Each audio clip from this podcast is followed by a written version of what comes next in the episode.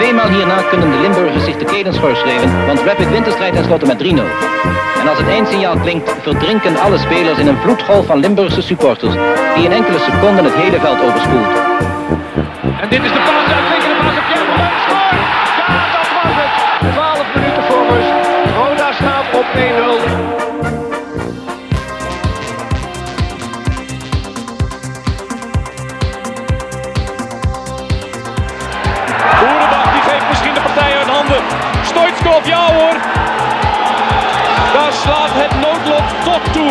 Fout van uitblinker Michel.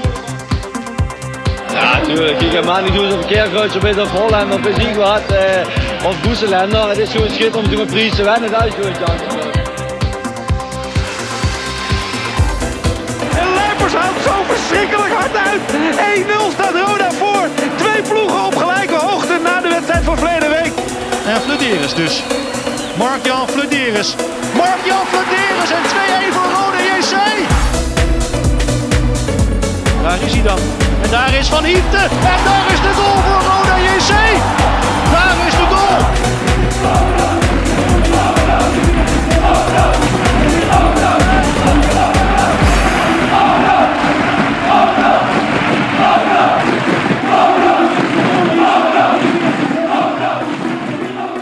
Je luistert naar The Voice of Calais. Goedemorgen Rob. Hoe is die? Zo'n dag na de persconferentie. Nou ja, goed. eh, gelukkig is het een eh, vrije dag. Dus kun je weer even bijkomen van alle nieuwe ontwikkelingen. Er is Ja. natuurlijk weer een hoop gebeurd. Daar gaan we het zo over hebben, denk ik. Ja, genoeg te bespreken, Rob. Maar Ja, op, zich, eh, op zich gaat het goed. Ja, mooi. Ja, ik heb er even een nachtje over moeten slapen. Ja, om toch iets eh, helderder te worden, maar daar hebben we het zo meteen wel over. Ehm, maar ja, voor de rest, dat is mooi. Het is lekker weer. Het is vaderdag volgens mij, hè. Goed, nou ben ik geen vader, dus moet niet vergeten mijn vader te bellen zo meteen. Maar ehm, lekker weer buiten. De grill gaat zo meteen aan voor de lunch, dus ik, eh, ik zie het wel zitten. Het, is geen vaderdag, eh, Rob, vandaag. Ja, Duitsland wel. Ja, ik, ik, ik heb in ieder geval vanmorgen geen ontbijt op bed gekregen. Dus, of ze hebben bij mij thuis wat gemist, maar... Maar ik zal eens heel even naar mijn telefoon gaan en dan zal ik je vertellen dat hier staat Vaderdag 2020. Ja, is in Duitsland inderdaad, ja. 21 juni is dat Ja. in Nederland. Ja, hier is het 21 mei. Dus, eh, ah, Nederland. Ah ja, goed, dan zal ik, ja, mijn vader zit in Nederland, dan zal ik hem niet bellen, want anders weet hij ook niet wat aan de hand is. Hè. Goed, ja, die datums vind ik voor de rest niet in mijn hoofd, maar dat maakt niet uit. Ik dacht al dat ze je vergeten hadden, Bjorn. Het zou natuurlijk een beetje lullig zijn geweest. Nee, dat, dat, dat gebeurt niet. Dat zal niet gebeuren. Daar maak ik helemaal geen zorgen over. Maar ik heb het idee dat jij een beetje te verduidst bent. Ja, dat Op zou het tijd dat je een beetje terug naar Nederland komt. Ja, daarom wil ik die competitie ook starten nu. Hè? Ja, overigens, voordat we aan alles beginnen, ik wil er niet lang op ingaan, maar voetbal kijken zonder toeschouwers compleet. Hè? Ik heb het geprobeerd vorige week een helft lang. Dat was echt miserabel. Ja. Ik ga, ik ga het ook niet meer kijken. Dit weekend ga ik er niet aan beginnen. Echt, het is bizar Ja. slecht. Maar goed, anyways. Stormen weg. Ja. Hey Bjorn, heel even de sponsoren. Rondje langs onze sponsoren. Nextdoor, Kapsalon, Nagel en Beauty Salon aan de Locht 44A8 in Kerkrade. Waar je nu ook ziet dat zelfs Butcher klant is, hè? Ja, Dat heb ik het mooi. Ja, is mooi. Is, eh, ja, Boetsel was volgens mij ook heel erg blij, hè, want die had nog een coronakapseltje. Dus eh, die kon het eerst niet geloven dat hij terecht kon. Ja, de vrouw van Butcher heeft het goedgekeurd, dus eh dat loopt allemaal op rolletjes. Nou, kijk, nou, goede klantenbinding. Dan hebben we Jegers Advocaten, Ruis de Berenboeklaan. Welk nummer, Bjorn? 12. In Heerlen natuurlijk, hè? Hart voor weinig. Nooit chagrijnig. Nou, mooi heeft die goede zin, dat is goeie. Dan hebben we Hotelrestaurant de Veilerhof. Die mogen volgens mij weer open vanaf eh, 1 juni, hè? Ja, ik heb bij Ingo meteen eh, gereserveerd. Zondag 7 juni ben ik van de partij. Ga ik weer een lekker spek en ei bij het ontbijt eh, daar eten. Mijn lievelingsspek en ei. Dus eh, ik ben blij dat we weer er naartoe kunnen. Nou, mooi. Ja, dan moet ik eens kijken naar de volgende keer ik in Nederland zit. Volgens mij eh, begin ik weer met werk rond die tijd dat jij daar zit. Dus eh, ik ga ook eens in die week reserveren bij Ingo. Mooi. Ja, nou, dan hebben we herberg De Bernardeshoeve. Die mogen Ja. natuurlijk ook open. En die hadden ook al grootste plannen, zag ik op eh, Facebook. Hè. Maar zoals we al gezegd hadden, die hebben naar achter toe hebben die natuurlijk enorm eh, veel ruimte. Die kunnen daar wel eens van maken, denk ik. Zeker. Ik had Marco ook al geappt om daar ook even een avondje te reserveren met het gezin. En dan gaan we daar ook even lekker een hapje eten. Dus eh, ik ben blij voor die mannen dat ze weer open zijn. En, en voor ons natuurlijk, hè, want dan hebben we weer een leuk uitje. Ja, ja, ja, ja, ja. mooi. Ga ik je nadoen.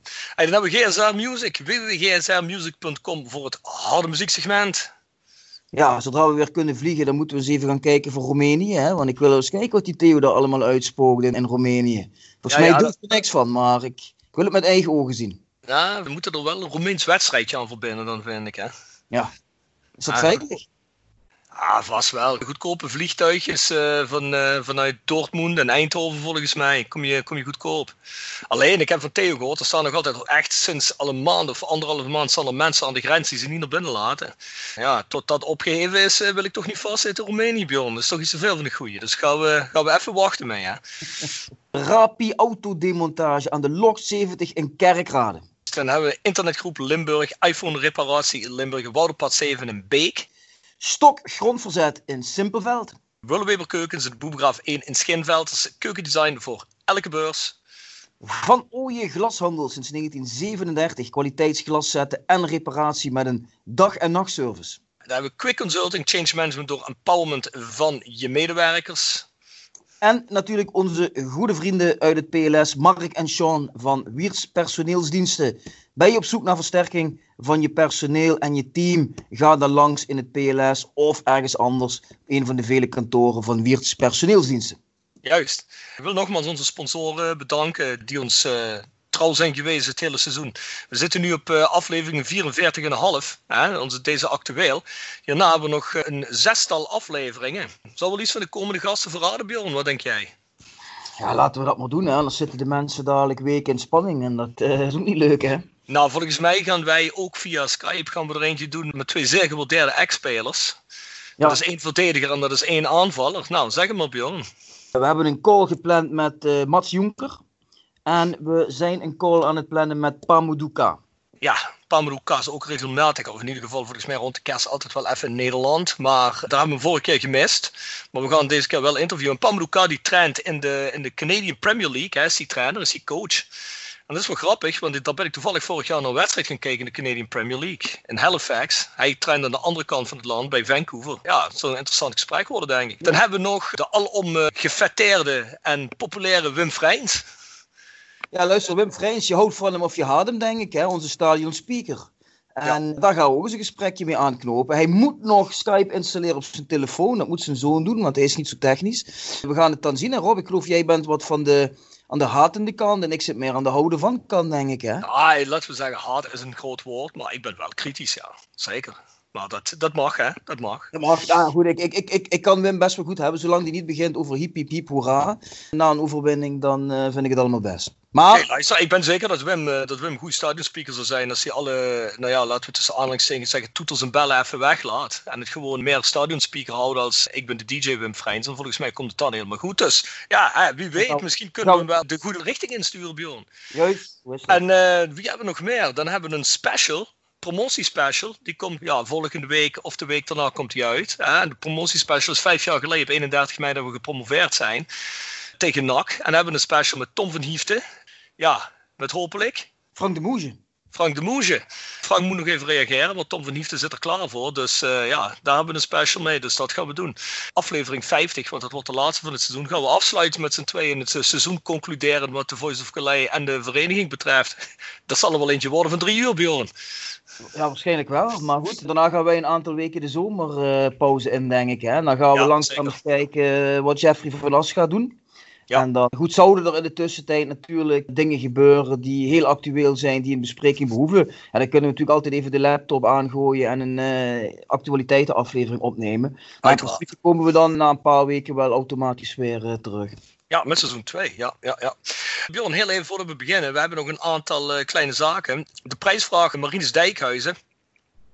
Uh, dan zeg ik het antwoord al. Het antwoord van uh, uh, de Moneyball-principe trainer die werd gehaald door een club. Dat was inderdaad Marinus Dijkhuizen, die werd gehaald door Brentford FC. Dat hadden ook een hele reeks van mensen goed.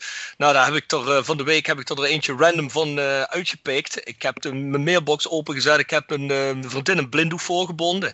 En heb ik gezegd, nou, wijs je vinger maar eens op het scherm. En er kwam uit dat het Ruud Wetsels was. Dus Ruud Wetsels, die heeft het hele antwoord compleet goed. En die uh, heeft een tijdje terug al ingestuurd. Ik zou zeggen, die krijgt een uh, Wij zijn Roda sjaal, maar ook een Voice of Calais shirt. Dan hopen we dat we hem daar blij mee kunnen maken. Is het maar één winnaar? Het is maar één winnaar, ja. Oké. Okay. Nou, Hoeveel winnaars willen je doen op een prijsvraag? Vijf.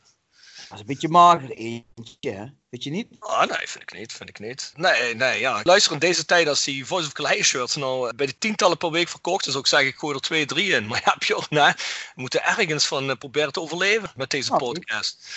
Nee, maar even alle gekheid op een stokje. Nee, nee, één winnaar. Winner takes all. Maar we hebben een nieuwe prijsvraag en er zijn ook al uh, antwoorden voor ingestuurd. En dat was dat wielerteam, hè, waar ik het vorige keer in de tips over had. En daar heb ik al een aantal inzendingen voor gezien. Zowel op Facebook als in de mailbox. Dus daar komen we ook weer op terug volgende week. En om daar heel eventjes naar over te gaan, naar de tip van de week. Bjorn, de tip van de week. Ik weet niet of jij er weer in hebt, maar ik blijf toch nog een keer zeggen, misschien wel voor de derde keer, de Last Dance van Michael Jordan. Ik weet niet of jij ondertussen er al bent begonnen. Nee, die moet ik nog altijd bekijken. Want ja, goed, ik zet altijd één uh, show op. En die kijk ik dan ook eerst helemaal af voordat ik aan wat nieuws begin. Dus ik ben nog altijd met Ozark bezig. En ik ben bijna klaar, ben bijna klaar met seizoen 2. En dan ja, doe ik seizoen 3. En daarna ga ik denk ik The Last Dance kijken. Ja. Of ik moet die ergens ertussen doen. Want ja, dat zal mijn vriendin niet meekijken. Dus dan moet ik die ergens alleen kijken. Maar uh, ja, ik heb dus in ieder geval uh, nog niks nieuws. Ja, die staat bij mij altijd op het lijstje. Dit soort documentaires die mijn vriendin niet kijken als ze naar bed gaat. Hè? Dan gaat hij tegen nu of tien, half elf naar bed. En dan, uh, dan begin ik uh, dat soort dingen te kijken tot nu of twaalf. Ja, je moet toch wel. Ik weet niet, volgens mij, we zijn bij aflevering 10. Volgens mij waren dit de laatste delen. Lijkt me ook logisch. Voor de mensen die het gezien hebben, die zullen dat begrijpen. We gaan het niet spoileren, maar goed. Het is in ieder geval zeer aan te raden. Als je basketbal haat, moet je het niet doen. Maar alleen al voor de attitude en de gedrevenheid van een sportman. Het wordt veel gezeurd over, ja, nieuwe jongens hebben die attitude niet meer. Misschien kunnen jongens er iets van leren. Ik denk dat veel mensen die het rode gebeuren kijken dit terug zullen kennen van mensen zoals uh, misschien Jan Hansen of René Trost of al die boys. Hè, dat ze zeggen van, en Arno Domernik die we ook hebben gehad. Nou, die gedrevenheid herken ik bij die jongens terug. En daarom is dat zeker aan te raden. Ik heb nog een hele kleine tip en dat is uh, wat we vorige week met Ron Meijer ook over gehad hebben. Dat is namelijk de Achter het Sport podcast van Ron Meijer en Timo Reinders check die in ieder geval uit. Die zitten nu op aflevering 4. En dat is een heel interessante podcast over het uh, lokale Heerlense. Maar het gaat ook uh, meer over wereldse thema's. In de nieuwe aflevering komen wij ook even voor, Bjorn. Ik weet niet of jij hem al gehoord hebt. Nee, ik heb het nog niet gehoord. Ik heb wel een tweet gezien, uh, geloof van Timo Reiners, waarin, of van Ron, Ron, weet ik even niet, waarin we wel genoemd werden. Maar ik heb mezelf nog niet kunnen luisteren. Mm. Jij wel? Ja, ik heb hem geluisterd. Zoals gezegd, als ik hier aan de computer zit te werken, dan laat ik meestal wat uh, ernaast lopen. En dat is meestal een podcast. Dus ja, ik heb hem gehoord. Interessant weer, heel interessant. Gepresenteerd en geproduceerd wordt de podcast weer door South 16, zoals altijd. En mocht je geïnteresseerd zijn in een Voice of Calais shirt of andere South 16 merch, komt overigens komende maand een hele reeks zaken bij.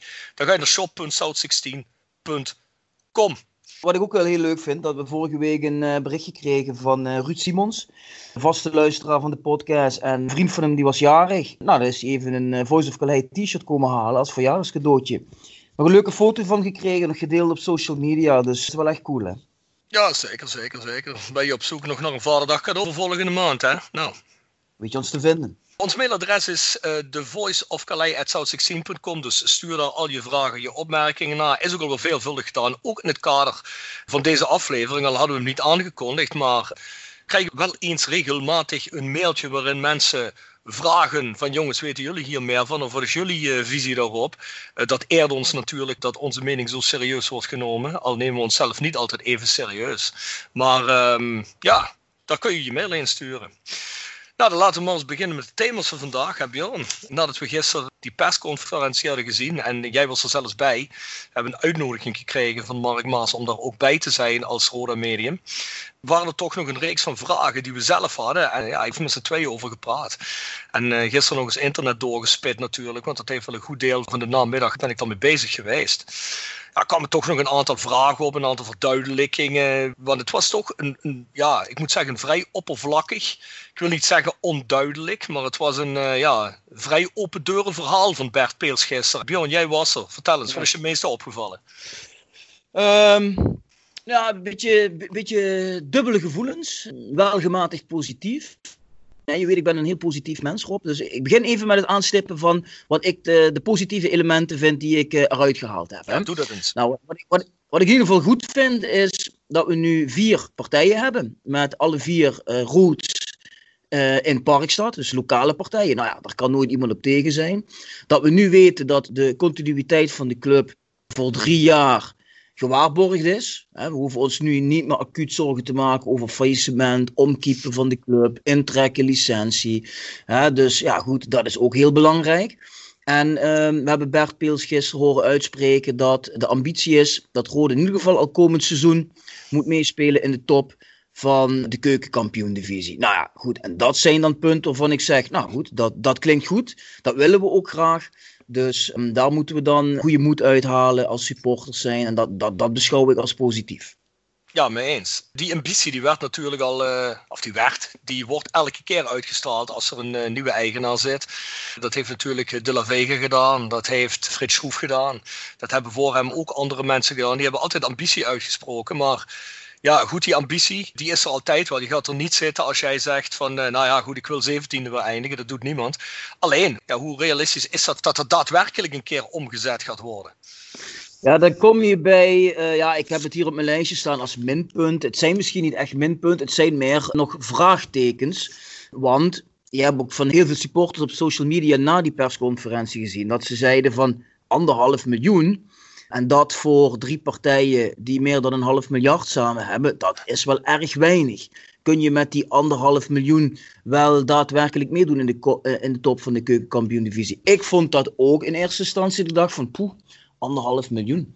Die partijen zouden toch misschien dat bedrag wel moeten kunnen verdubbelen, vrij makkelijk. Dan ga je pas echt misschien in de top meespelen. Daarna zag ik wel een tweet van Mark Maas, die dat verduidelijkte. En die zei van, nou ja, die mannen hebben gekeken wat kan Roda zelf aan geld genereren?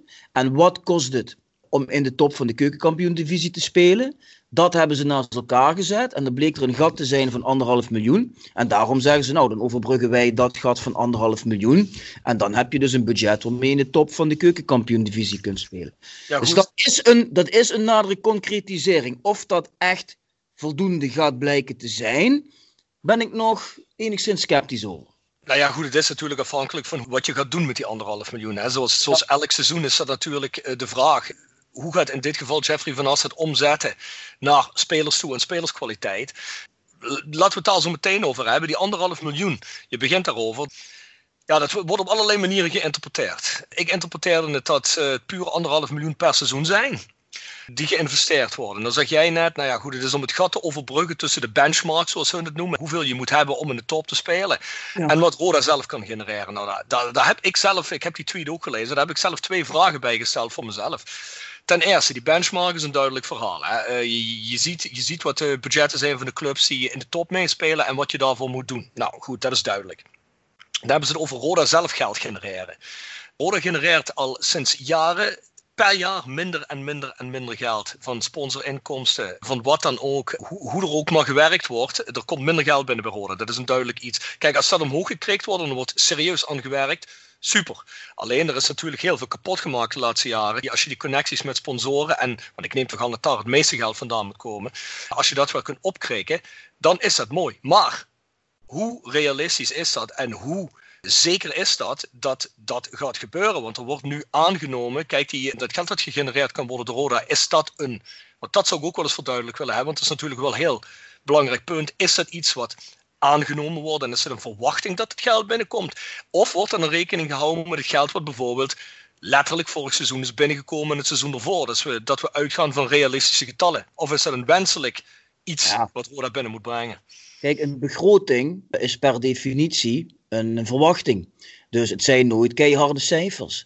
Dat heeft Bert Peels ook aangegeven. Van ja, je moet ergens beginnen waarvan je denkt, nou, wij, wij schatten in dat het realistisch is om zoveel publiek te verwachten. Dat we zoveel sponsoring behouden. Dat we dit aan tv-gelden binnenkrijgen of geld van de KNVB, whatever. Ja, goed gaandeweg in het seizoen ga je zien of uh, dat reëel is of niet. En dan moeten ze dat misschien bijstellen. Dan moeten we hopen dat ze misschien zeggen van nou goed, uh, er vallen wat dingen tegen. Dat, dat lappen we dan ook nog even bij.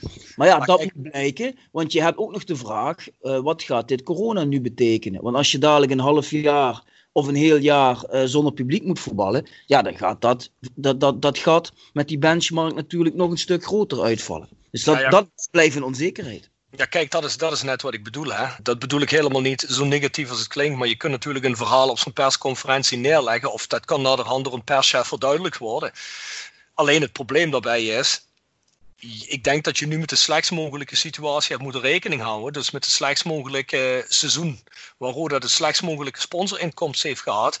En dergelijke. Nou, het zal het laatste seizoen zijn geweest, want het was ook publiekstechnisch was het een, nou ja goed, ik wil niet zeggen een, een ramp, ja misschien zeg ik wel een ramp, het was niet goed.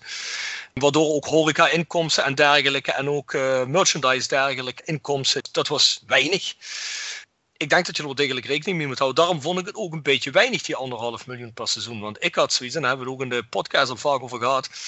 Wil jij nou instappen en je wil daadwerkelijk die stap kunnen maken naar een eredivisie. Hè? Een eredivisie waar het geld te halen valt, waar je meer geld genereert, waar je automatisch naar een hoger budget kunt. Dat wil niet zeggen dat je dan opeens miljoenen en miljoenen zomaar kunt gaan uitgeven en te besteden hebt. Maar je komt in ieder geval uit het diepe water. Het is in ieder geval minder gevaarlijk financieel wordt het. Dan moet je meteen heen terug willen. En je hebt nu de uitzonderlijke kans met deze heren, met dit kapitaal om dat te doen. En dat is ook misschien wat jij bedoelt met dat je gehoopt dat, dat ze daar dubbele in zouden steken dat is een beetje wat ik hekel vind. Kijk, mensen kunnen wel interpreteren en zeggen van ja, ze zullen daar misschien wel meer geld weer in gaan steken. Of anderhalf miljoen is misschien de ondergrens. Ik heb al van alles gehoord. En dat is het minimale wat ze erin steken. Maar wie garandeert dit? Dat is, dat is een beetje het probleem. Nee, maar ja, goed.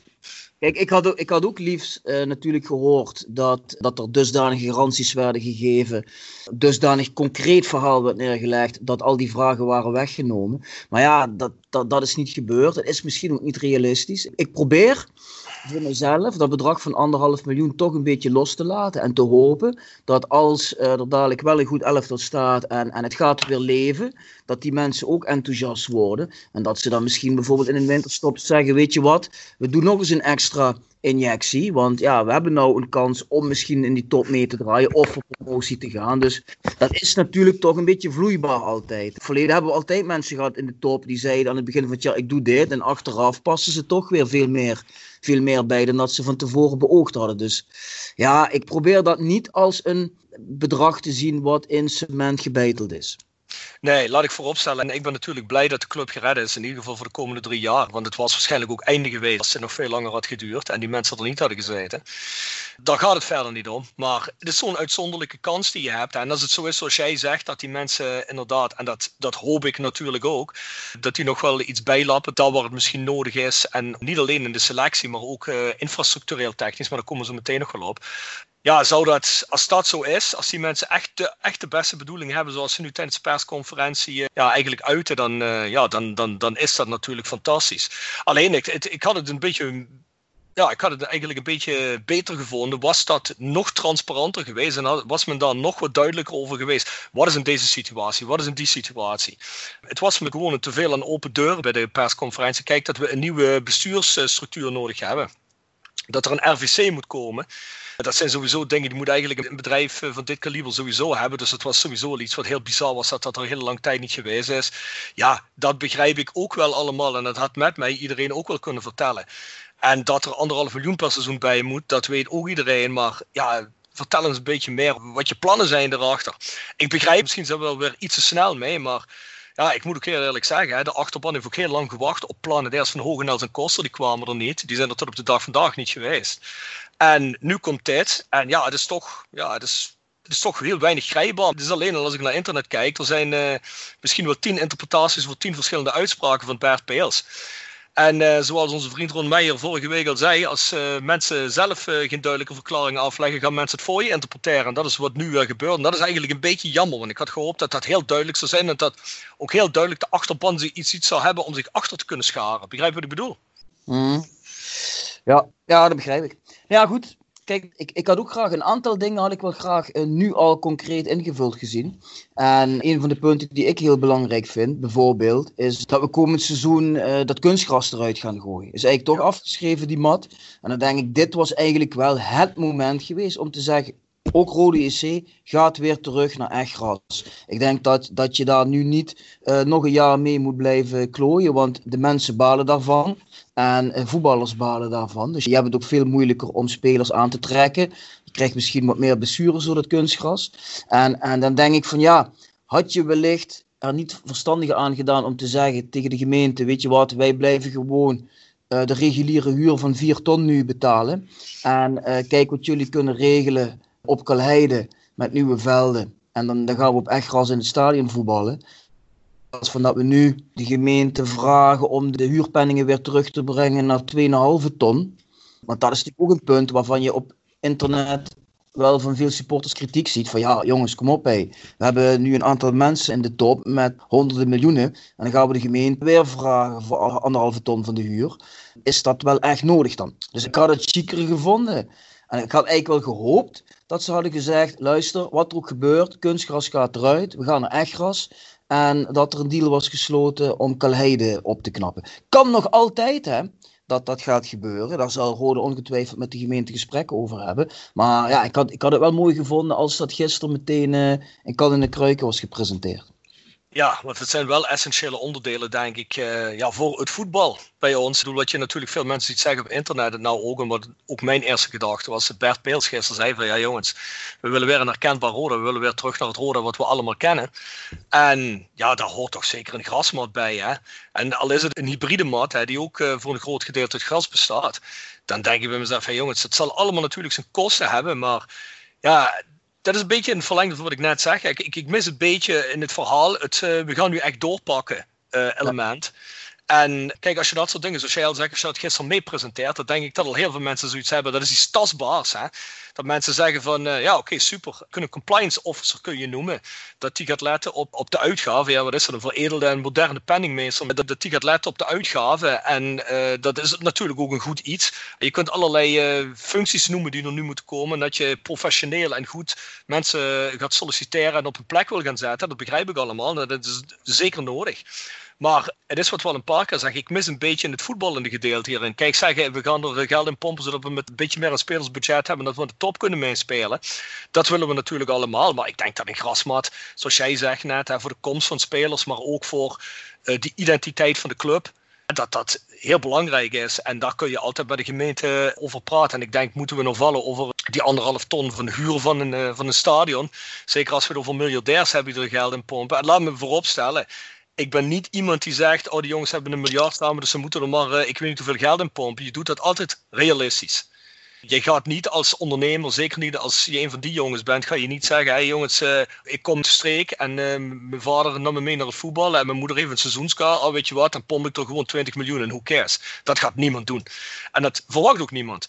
Maar al dat soort dingen, om die infrastructuur eens een keer op peil te krijgen en dan gewoon met de gemeente samen op tafel te gaan zitten en zeggen, hoe kunnen we dit langdurig, hoe kunnen we dit, hoe kunnen we tot een deal komen dat we met stadionhuur goed zitten, dat we met de onderhoud van de grasmatten goed zitten, dat we met het onderhoud van Kaleide een beetje goed zitten, dat daar getraind kan worden, dat we daar verder uh, de jeugdopleiding kunnen uitdiepen op den duur, dat daar alle infrastructuur voor aanwezig is. Want dat is natuurlijk het, uh, ja, de laatste anderhalf, twee, drie jaar is dat compleet eraan onderdoor gegaan.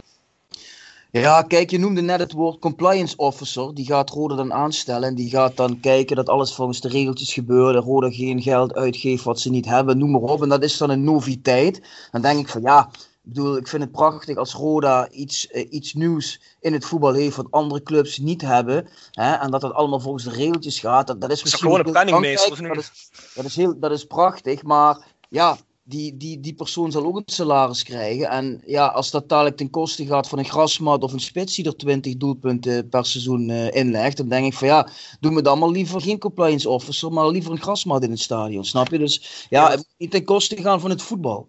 Kijk, een compliance officer, dat vind ik allemaal fantastisch. Volgens mij is het gewoon een veredelde penningmeester. Ik bedoel, uh, wil ik niet meer zeggen dat ik niet weet wat een compliance officer is. Die zal wat meer zijn dan een penningmeester.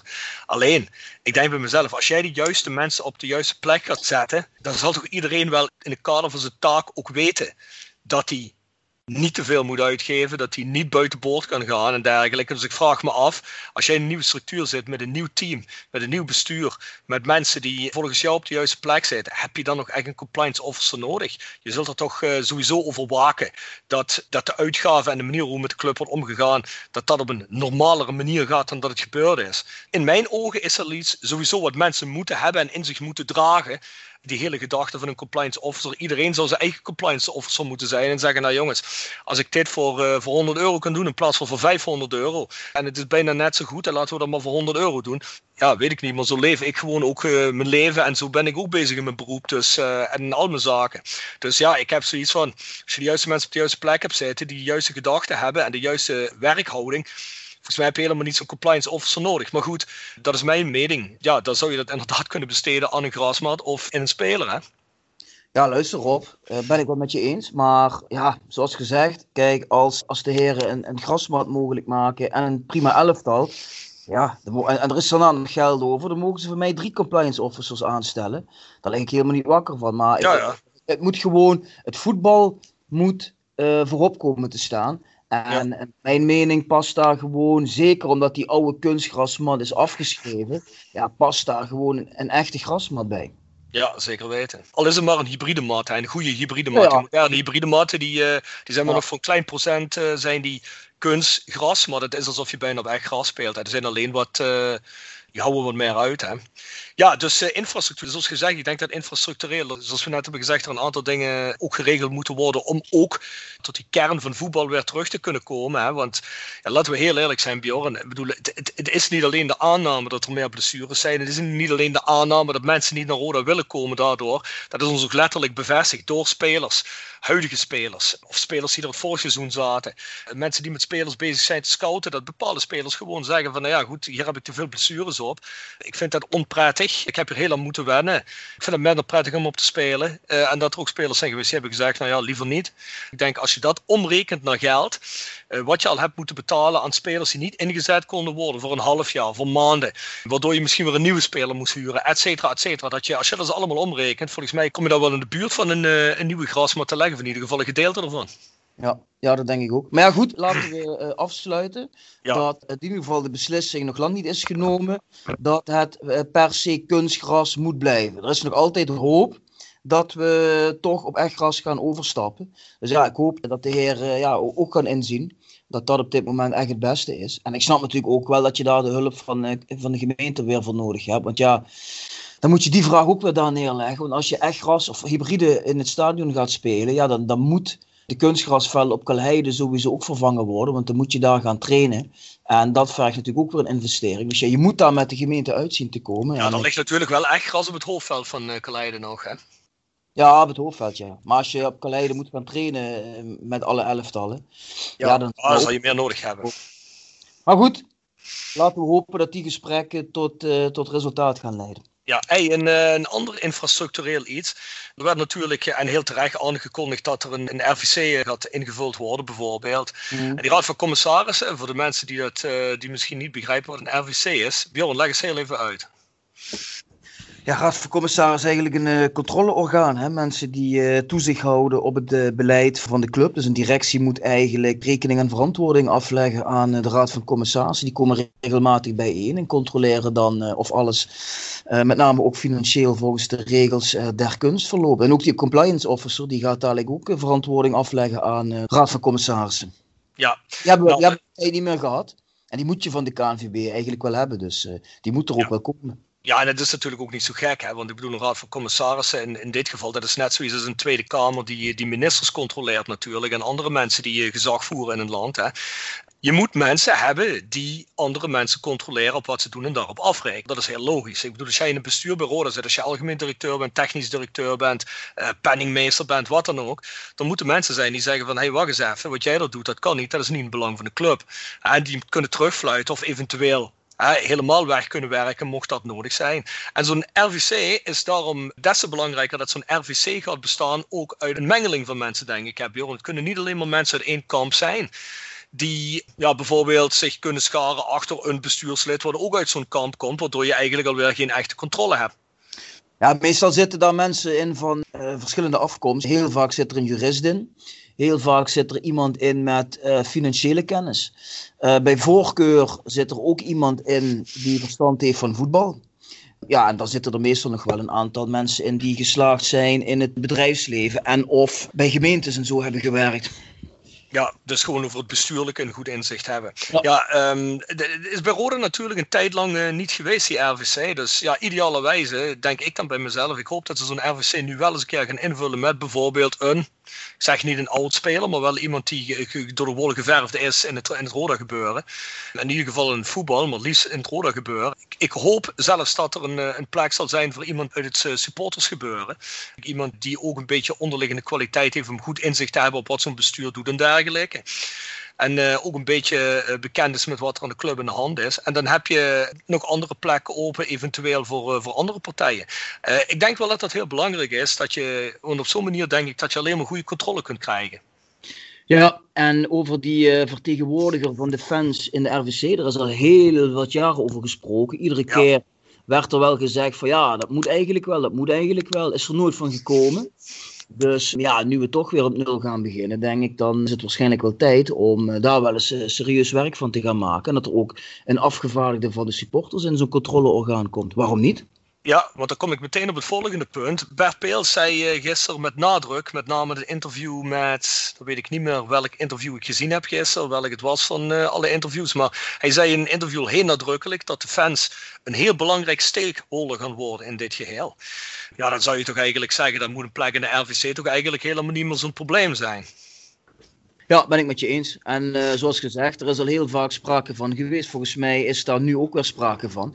Dus ja, dit lijkt me ook het moment om uh, door te pakken en dat, uh, dat mogelijk te maken. Ook, da daarmee toon je ook wel concreet aan dat je de supporters zo belangrijk vindt en dat je ze serieus neemt. En, en dat je een afgevaardigde in zo'n college neerzet, zodat de supporters ook weten van de hoed en de rand. Ja, lijkt me ja. gewoon een prima oplossing. Ja, inderdaad. Het zou in het kader ook van transparantie natuurlijk heel belangrijk zijn, want dat hebben we jaren niet gehad. Ik bedoel, we hebben, er zo op rondgehakt in deze podcast al maandenlang. Eigenlijk uh, sinds het begin. Het is altijd heel onduidelijk wat bij deze club achter de schermen gebeurt. Dan hoef je natuurlijk niet elk detail te weten, maar in de grote lijnen zouden wij als supporters wel willen weten wat er gebeurt met onze club. En uh, gelukkig zei Bert Peels wel dat hij uh, vond dat alle partijen erbij betrokken moesten worden. Ik las ook weer in een interview, volgens mij was dat met Gert-Jan Jacobs of, of was het misschien Jimmy Leenders las ik dat hij zei van, nou, uh, hij was zich ervan bewust dat er heel veel stromingen binnen Roda waren en dat die stromingen ook allemaal gehoord moesten worden. En dat we moesten uh, kunnen kijken hoe we met z'n allen kunnen samenwerken, omdat het in het verleden niet altijd even goed gelukt is. Nou, dat vind ik op zich vind ik dat een, een super positief iets. Want als dat ook echt gebeurt en Bert Peels vraagt ook, of in ieder geval de mensen die er in de toekomst aan gaan werken, vragen om iedereen om om de tafel te komen. En om te kijken hoe we met z'n allen tot een beter Roda kunnen komen ja, dan vind ik een heel positief iets. Ik hoop alleen dat het echt wordt omgezet nou. Ik denk dat je dan ook de supporters te laten kiezen. Dat soort dingen. De supporters mogen kiezen uit hun midden daarin graag zouden afvaardigen. En dan moet je natuurlijk wel de rekening mee houden. Die, zo lid van een RVC, die krijgt natuurlijk ook zaken te horen over de club waar geheimhouding op zit. Dus je kan natuurlijk Tuurlijk. niet alles uh, meteen uh, terug gaan klepperen. Dat bestaat niet. Maar ik denk wel dat het netjes zou zijn als de supporters zouden mogen. Ik weet niet of je dan bijvoorbeeld dat mensen zich verkiesbaar moeten kunnen stellen. En supporters kunnen dan massaal stemmen wie het zou moeten zijn. Iets in die trant zit ik aan te denken. Ja, zeker. Maar eh, waar ik ook meer zit te denken, even weg van de RVC, is dat, dat gewoon supporters in zijn algemeniteit betrokken worden. Dat ook weer een groep zoals het platform weer wat serieuzer wordt genomen bij Roda. De supportersraad. Maar dat er ook gewoon meer gepraat wordt, hè, dat er meer communicatie is. Dat, eh, dat is de laatste jaren is dat gekomen en gegaan. En uh, ik denk dat dat ook vooral uh, belangrijk is. Kijk, ook in het kader van die dingen die we gezien hebben het afgelopen jaar. Um, de hele controverse rond alle vuurwerkacties, uh, UK en dergelijke. Maar dan moet gewoon een direct en open communicatielijnen over zijn. Je moet er toch kijken. Hè. Je hebt um, een aantal mensen in de organisatie die normaal aanspreekpunten waren voor de supporters. Uh, of een heel belangrijk aanspreekpunt naam van Stefan Laag. Die gaan verdwijnen bij de club omdat ze met pensioen gaan. Je zult toch eens heel even moeten kijken ja, hoe dat gerealiseerd gaat worden. En ik hoop wel dat in zijn algemeniteit RVC, uh, supportersraden, allerlei organen dat, dat daar een goede weg in gevonden kan worden. Om dat uh, met z'n allen door één deur te kunnen en het goed samen te werken. Want ik denk wel heel eerlijk dat daar een grote kracht ligt om de tribunes ook weer heel veel vertrouwen te krijgen. En uh, om veel meer mensen betrokken te krijgen bij de club. En ik denk dat dat ook wel, uh, ja, dat is waar Roda ook wel mee staat en valt. Want kijk, uh, op het veld natuurlijk, dat is één ding. Maar vertrouwen hebben in de club, hè, dat, Kijk, ik zie ook clubs uh, spelen. Ik zit hier zelf in Duitsland. En als ik dan kijk naar, uh, naar clubs, is natuurlijk een minder geliefde club in, het, uh, in de kerkrade Aken gebeuren. Maar ik woon zelf in Essen. Nu en dan ga ik daar wel eens een kijkje nemen. Daar zitten gewoon 10, 12.000 man zitten op de tribune. Die club die speelt sinds jaar en dag op het vierde niveau in Duitsland. Dus ik wil maar zeggen, als jij die club goed in elkaar kunt zetten, je kunt sporters bij betrekken, dat is bijvoorbeeld wat daar goed gebeurt, dan kun je wel degelijk je tribunes voor een gedeelte vol krijgen. En dat hoop ik dat dit bestuur dat ook echt, echt, echt gaat zien. Ja, heel belangrijk wordt natuurlijk dadelijk uh, wie de AD wordt. En als je het ook hebt over uh, communicatie met supporters en een platform, noem maar op. Ja, dan is een AD daar natuurlijk wel een belangrijke uh, figuur. Hè. En ja, ja we, hebben, we, hebben, we hebben bijvoorbeeld ook Jeffrey van As als TD. Nou goed, van hem weet je dat hij open staat communicatie met mensen. Dat heeft u wel laten zien, dus dat is prima. Dus als je ook een AD krijgt die, die daar goed in is en die het belang daarvan op waarde ja, dan kun je weer uh, die stap zetten om de tribunes warmer te maken bij de club. Ja, dat denk ik ook. Ik denk inderdaad, je pakt er een punt aan. En AD, ik denk dat dat een heel cruciaal iets is. Dat dat iemand wordt waar iedereen warm van wordt, denk ik. Hè? Ja, ik wil wel nog één puntje uh, sowieso even aan de orde stellen, Rob. Want dat vind ik wel een gevaarlijke. Ik denk dat dat anders zou moeten. We hebben gisteren gehoord dat het prioriteitsaandeel, die 0,2 procent, ja. die lagen bij, eh, ik geloof dat dat de stak was, hè, die stichting uh, administratiekantoor. Nou, in het prioriteitsaandeel zit natuurlijk uh, zaken als clubkleuren, clubplaats, clubnaam, clubnaam et cetera ja, wat je bij veel clubs ziet, en zo zou het ook moeten zijn, is dat dat prioriteitsaandeel dat dat bij een supportersgroepering ligt, of in ieder geval afgevaardigden van supporters. Cultuurbewakers in ieder geval. Cultuurbewakers. En die cultuurbewakers die, uh, die zorgen er natuurlijk voor hè, dat, dat, dat de club niet opeens kan besluiten: we gaan in geel-groen spelen en we gaan de naam Rode C aanpassen. Dat, dat mag natuurlijk nooit gebeuren. En uh, ja, nu gaat dat prioriteitsaandeel dadelijk gewoon naar de Rode CBV. En ja, goed, met, met een statutenwijziging zouden al die zaken dan toch in het nadeel kunnen worden gewijzigd in de toekomst. En het zal vast zo zijn dat dat niet de bedoeling is. Maar ja, je weet niet wat er over drie, vijf of tien jaar gebeurt. Dus ik vind wel dat dat prioriteitsaandeel terug zou moeten naar een club mensen die als uh, cultuurbewakers worden aangewezen. Dat is ook een grote punt wat ik zorgwekkend vond. Kijk, op dit moment kun je zeggen, ja jongens, jongens hebben de beste ideeën erbij en dergelijke. Dat zal allemaal best wel. En misschien hebben ze ook wel heel kinderlijk gemakkelijk die gedachte van, uh, nou ja goed, dan zetten we in de statuten dan, uh, dan komt het ook goed. Ik zie dat precies zoals jou en ik denk ook heel veel mensen met mij, want dat is toch het grootste kritiekpunt wat ik gehoord heb aan de hele persconferentie gisteren, of in ieder geval het perscommuniqué. Die 0,2% van aandelen, dat gouden aandeel, het prioriteitsaandeel, daar zitten inderdaad al die garanties in. Dat, dat komt met dat aandeel mee. Jij kunt dat aandeel helemaal niet weggeven in mijn ogen. En je kunt dat niet statutair maken. Je geeft dat zelf net ook al aan. Uh, statuten kunnen met een meerderheid van de mensen die een club bestieren, kan een statuut veranderd worden. Dus als, ik zeg maar, als op een gegeven moment 80% van de mensen stemmen die er iets over te zeggen hebben over die statuten, wij gaan opeens, uh, wat jij al zegt, in het, in het, geel-groen spelen dan hebben we een probleem, want dan gaan we het geel-groen spelen en dat kun je niet meer tegenhouden. Ligt het bij de supporters, diehard supporters of een diehard cultuurbewakingsvereniging die zegt van, ja jongens, dit gaat nooit gebeuren. Dan ben je wel zeker van dat dat altijd, maar dan ook altijd gewaarborgd is. Ik weet dat ik nu iets ga zeggen wat uh, veel mensen onpopulair zullen vinden, maar dat is bijvoorbeeld bij Fortuna Sittard is dat wel veel beter geregeld. Die hebben het daar, ik weet niet hoe die vereniging heet die dat hebben, maar die hebben ook zo'n gouden aandeel en die kunnen altijd een veto geven op alles ook bijvoorbeeld wat een fusie aangaat. En we zullen nooit met Fortuna meer fuseren, want dat zullen ze aan Fortuna kant tegenhouden. Dus dat is op zich een goed punt. Waarom zou jij dat als supporters uit handen willen geven? Waarom zou jij dat als bestuur niet bij supporters willen laten liggen? Ik ga niet al, zoals een Duits zeggen, de teufel aan de wand malen. Dus ik ga niet al meteen het allernegatiefste zeggen. Maar wat als er op een gegeven moment, misschien zijn het niet eens deze heren, maar wat is als over drie jaar uh, ik zeg maar iets, de club wat gezonder is. Misschien zijn we gepromoveerd. Die heren zeggen, einde missie. Iemand komt, of helemaal iemand anders. En die zegt van, ja jongens, ik heb grootse plannen. Ik wil een club in oranje-blauw gaan laten spelen. Ik wil liever in Valkenburg gaan spelen. Het, gaat nu FC Limburg heten. Wat is dat dan gebeurd? En die man heeft zijn poppetjes heeft die zitten op bepaalde plekken, zodat ze de statuten kunnen veranderen. Daar hebben wij helemaal niks meer aan de hand waar we mee kunnen doen. Dus ik vind dat veel mensen te veel op korte duur denken en zeggen: Ja, kom, uh, dat maakt me allemaal niks uit. En dit zullen die mensen toch ook niet willen. En ja, misschien inderdaad willen deze mensen dat wel niet. Maar wat is met iemand over tien jaar? En dat kan nooit het geval zijn. Je moet dat altijd laten liggen, vind ik, bij cultuurbewakers. En als bijvoorbeeld zo'n vereniging zoals Wij zijn Roda, dan lijkt me dat goed ondergebracht. En dan denk ik bij mezelf van ja jongens, um, ik, ik vind dat wel iets, dat moet op gehamerd worden. En dat moet ook niet losgelaten worden. Nee, maar kijk, ik bedoel, uh, er zijn nu al een aantal stichtingen opgericht. De stichting Phoenix, de stichting Rode JC. Nou, wat let je om bijvoorbeeld nog een nieuwe stichting op te richten? Uh, de stichting Cultuurbewakers Rode JC. Of voor mijn part de stichting Wij zijn Rode JC. Ja. Waar, waar ook weer een aantal mensen in geplaatst kunnen worden die uit het fangebeuren komen. Of in ieder geval waarvan je kunt zeggen: kijk, dat zijn nou een aantal mensen waarvan we kunnen zeggen dat zijn diehard cultuurbewakers. Nou, en, en leg daar dan zaken neer als clubkleuren, clubnaam, clubplaats, uh, fusie, etc.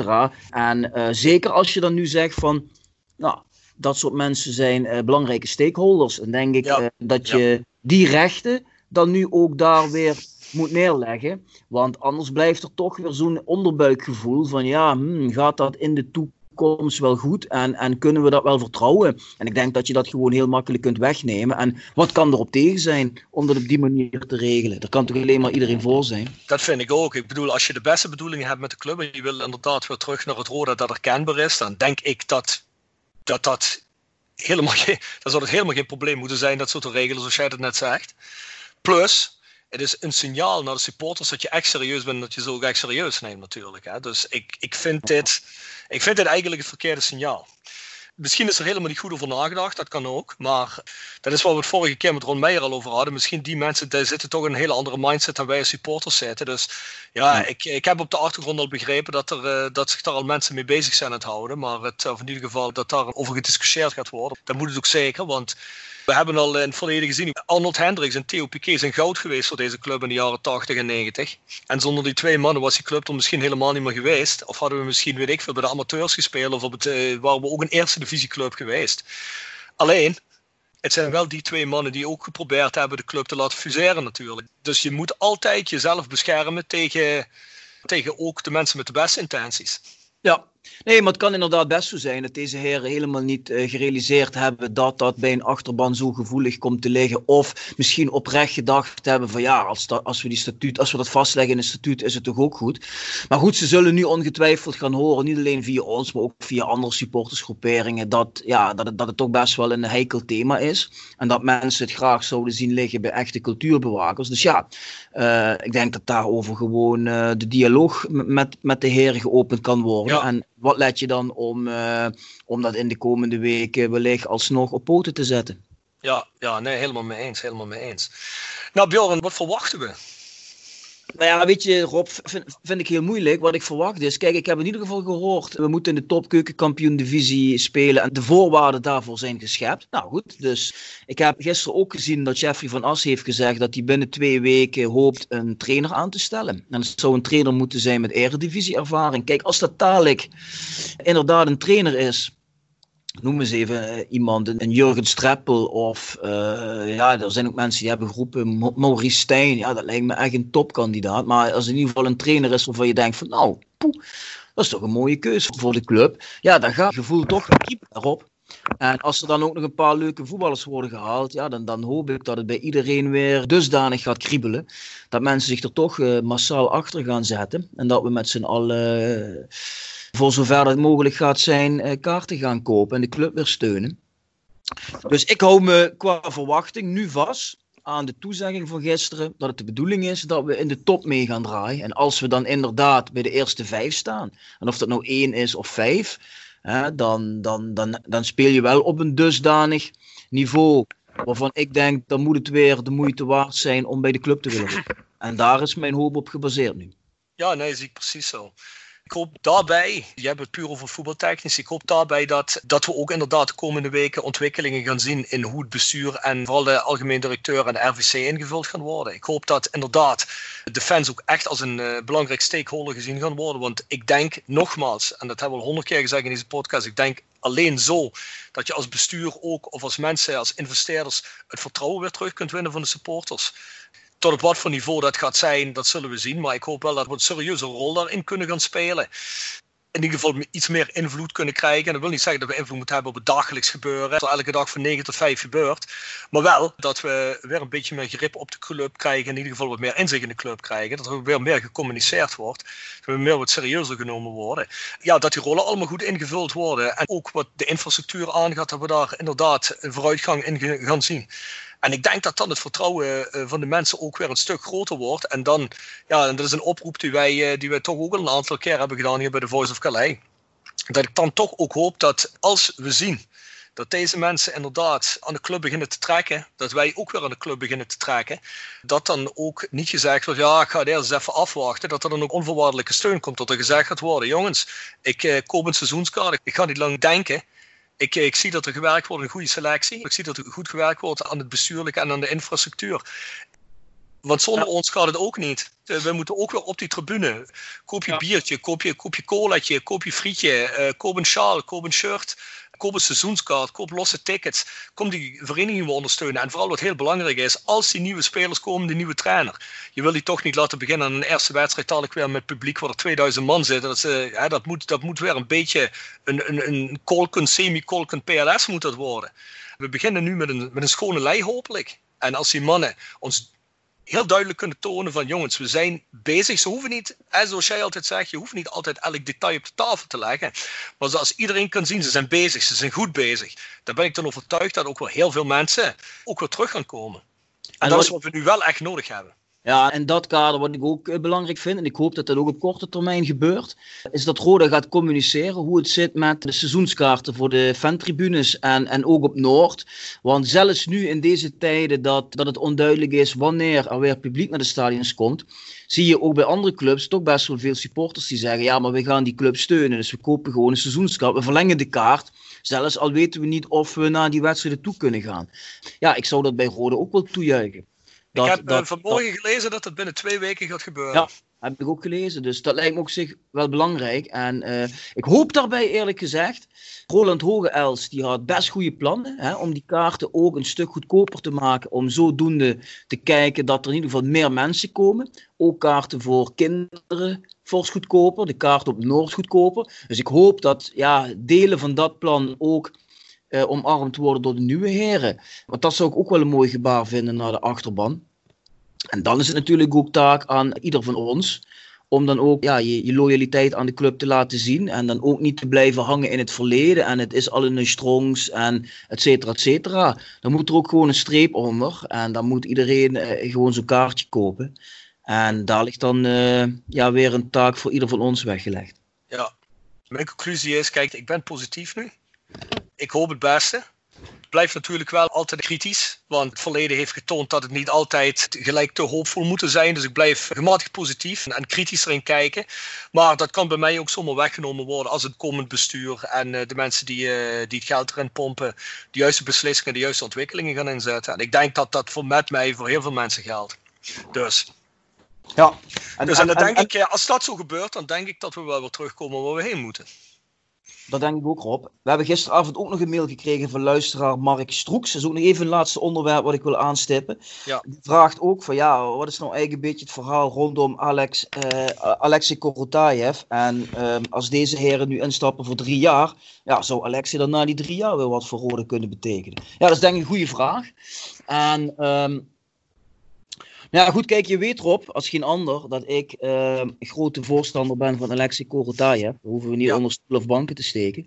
Maar ik ben ook wel zo realistisch om te zeggen van ja, ik snap ook wel dat die nieuwe heren zoiets hebben van we willen eigenlijk met een, een, een schone lei beginnen en niet vastzitten aan Alexei Korotayev die zijn deel van de schuld dat open staat niet heeft kunnen betalen. En voor wie we niet weten wat hij nou uh, komend seizoen kan gaan doen. Ja, ik vind het wel knap van Alexei dat hij dat ook heeft ingezien. En dat hij heeft gezegd, Ik moet doen wat het beste is voor de club nu. En niet wat het beste is voor mij zelf. Want hij wil zelf natuurlijk het liefste, had hij die 20% willen houden. Dat vind ik wel een, een groot gebaar van hem, dat hij daar toch in meegaat. Toen denk ik ook wel aan dat hij niet zoals sommige mensen hardnekkig blijven beweren op social media, dat hij uh, helemaal geen koempel is of geen gevoel voor de club heeft, of dat hem alleen maar om geld te doen is. Ik denk dat dat in, met dit gebaar in één keer volledig is weggenomen. En natuurlijk hoopt hij dat, dat hij blijft werken aan het oplossen van zijn problemen in Dubai. En dat zou wellicht best nog wel een lange tijd kunnen, kunnen duren, want ja, we zitten er nu al lange tijd op te wachten, dus waarom zou het nu opeens van vandaag op morgen geregeld zijn? En als hij dadelijk over een jaar of twee jaar misschien in Kerkrade op de stoep staat, dan moeten we dan weer kijken of er een manier is dat hij dan weer uh, mee kan doen. Of dat hij dan weer kan participeren. Ik denk dat hij dat nog altijd ambieert. En ja, naar de toekomst toe zou ik niet inzien waarom er dan geen eh, weg terug meer voor Alexei Korotayev is. Dus ik denk dat iedereen op dit moment uh, gedaan heeft wat het beste voor de club is. En wat de toekomst brengt, daar is de deur wat mij betreft nooit dicht. Ja, ik hoop natuurlijk dat die mannen die er nu zitten, als je, ik zeg maar iets over een jaar, uh, staan voor zeggen ik wil investeren, dat ze met open armen ontvangt. Het was wel misschien kenmerkend, misschien is dat niet opzettelijk gedaan, maar misschien ook wel. Dat een perscommuniqué stond, ja, met Alexei Korotayev is alles goed geregeld, uh, we bedanken hem voor dit en dit en dit. En hij is ook altijd welkom als supporter terug in het PLS. En dan dacht ik van ja, waarom zou je niet welkom zijn als supporter? Tegenhouden. Dat is al eens één. En als iemand het PLS wil komen, een kaartje wil kopen, moet hij dat natuurlijk kunnen. Ik las het als, je mag terugkomen als supporter, maar je mee gaat bemoeien financieel. Dat zien we toch niet meer zitten. Zo las ik het een beetje. Maar het kan zijn dat, het, uh, dat ik dat helemaal fout heb. Ja, Nee, goed, ik denk ook op, op dit moment, hè, want we hebben ook gisteren bij het uh, stuk van VI gelezen dat Alexia had graag een terugkoopoptie uh, gehad. En die willen ze niet geven. Dus ik denk dat ze op dit moment ook echt zoiets hebben van ja goed, we trekken ja, een streep voor het verleden. Dus we gaan dat ja. nu ook toezeggen. Maar volgens mij is het gewoon wel zo dat op het moment als hij in de toekomst op de stoep staat en hij heeft zijn zaken daar geregeld en hij kan aantonen dat hij op een legale manier aan zijn vermogen is gekomen en hij heeft nog steeds een, een, vermogen en wil er wat mee doen, dan zie ik niet in waarom iemand dan uh, gaat zeggen van nee, we willen met jou helemaal niet meer op tafel gaan zitten. En volgens mij is dat ook niet uh, de bedoeling. Alleen ik denk dat het voor hem gewoon nu ook goed is, dat er nu niet meer die tijdsdruk op zit van, uh, weet je wel, iedere maand weer en, en, kom je, kom je. Kijk, nu heeft hij gewoon, ja, bij wijze van spreken, drie jaar de tijd om aan zijn problemen te werken. Dus er is wat druk van de ketel. En nou goed, als hij in de toekomst weer hier staat dan heeft hij aan ons in ieder geval wel weer een paar vrienden die dan uh, lobbyvorm gaan opstarten, Rob. Ja, dat geloof ik wel, ja. Hey, maar uh, is ook bizar, hè? Je gaat van een club die uh, bijna failliet is, ga je naar een eigenaar die er met slechte adviseurs 20 miljoen van zijn vermogen ingooit. Waarvan heel veel verbrast is. Overigens een man met de beste intenties, Frits Schroef. Dan ga je naar een bizarre Mexicaan en nu heb je opeens zomaar een vermogen erachter staan van samen een miljard. Dat begint te investeren en je hebt zelfs nog iemand in reserve als die klaar is in Dubai. Dat is een ja, beetje bizar, hè? Ik had nog dingen aan de lijn. Geert-Jan Jacobs van de VI Rob. En die zei me ook dat er in Nederland toch best wel verschillende clubs zijn die jaloers zijn. Dat er bij Rode iedere keer weer lui opstaan. Uh, van dat kaliber. Kan ik me best wel voorstellen. Andere clubs die hebben er hooguit eentje. En wij trekken de een naar de ander uit de la. dat is natuurlijk wel gevaarlijk, want aan dat rijtje komt natuurlijk ook ooit een eind. Dus uh, je moet er wel. Uh, je moet er wel er, ben je zeker dat er een einde aan komt? Volgens mij komt er de eerste tijd nog geen einde aan. Ja, ik weet het niet, we zullen zien. Maar ja, alles is eindig. Ja, om dat te besluiten trouwens. Maar dat komt overigens nog allemaal heel uitgebreid aan bod. Want ik was namelijk in het begin één gast vergeten die we ook nog gaan hebben voor het einde van het seizoen. En dat is namelijk de net genoemde Alexei Korotayev die um, een groot gedeelte van zijn verhaal gaat doen in een uitgebreide podcast met ons voordat het seizoen eindigt. Dus er zal ook zeker uh, deze afstand van zijn gedeelte van uh, de aandelen zal er zeker ook in uh, ter sprake komen. En ook nog een hele hoop andere zaken waar we vragen over hebben. Ja, dat is misschien wel aardig dat de mensen die dit nu horen en die hebben vragen voor Alexei, dan moet je ze misschien op voorhand even naar ons mailen. Dan kunnen ja. we kijken of we daar iets mee kunnen doen. Ja, dat mag je voor Alexei Korotayev doen. Dat mag je voor Pamadou doen. Dat mag je voor Mats Jonker doen. Dat mag je voor Wim Freins doen. En dat mag je ook doen als je opmerkingen of vragen hebt aan Tom van Hiefte en hopelijk Frank de Moege. En daarmee gaan we, zoals gezegd, een special doen die helemaal gaat alleen maar over de twee play-off wedstrijden. Um, NAC thuis en NAC uit en alle festiviteiten en alles eromheen. Ja, als je daar vragen over hebt, dan mag je die rustig insturen. Want ja, zoals gezegd, dat is ons programma tot het eind van het seizoen. Ja, Bjorn, dan zijn we aan het einde gekomen. Of had je nog een opmerking?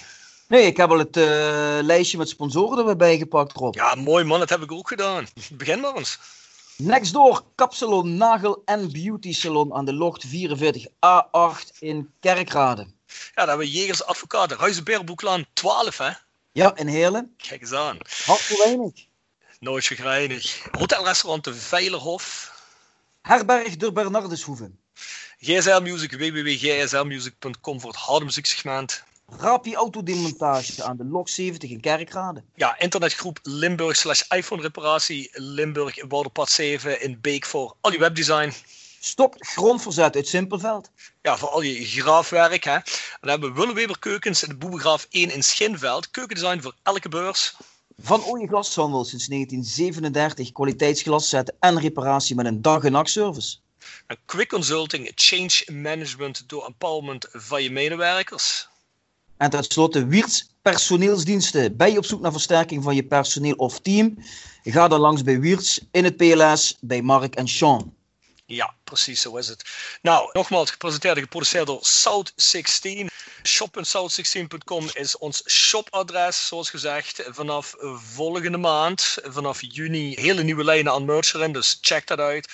En stuur al je vragen voor de reeds genoemde toekomstige gasten en of opmerkingen voor Bjorn en mij naar de at south16.com. Zijn we weer bij je, Rob? Zijn we? Ja. Goed, jongens, tot de volgende keer.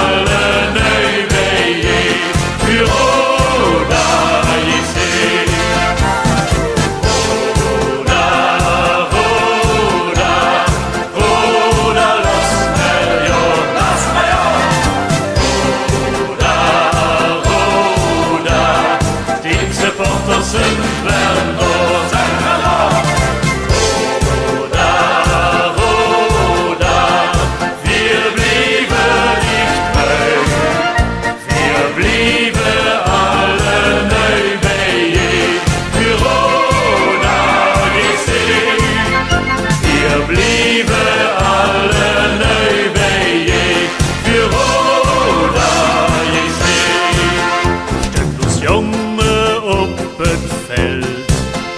Je leuf mer wees de ganze Welt, ze zal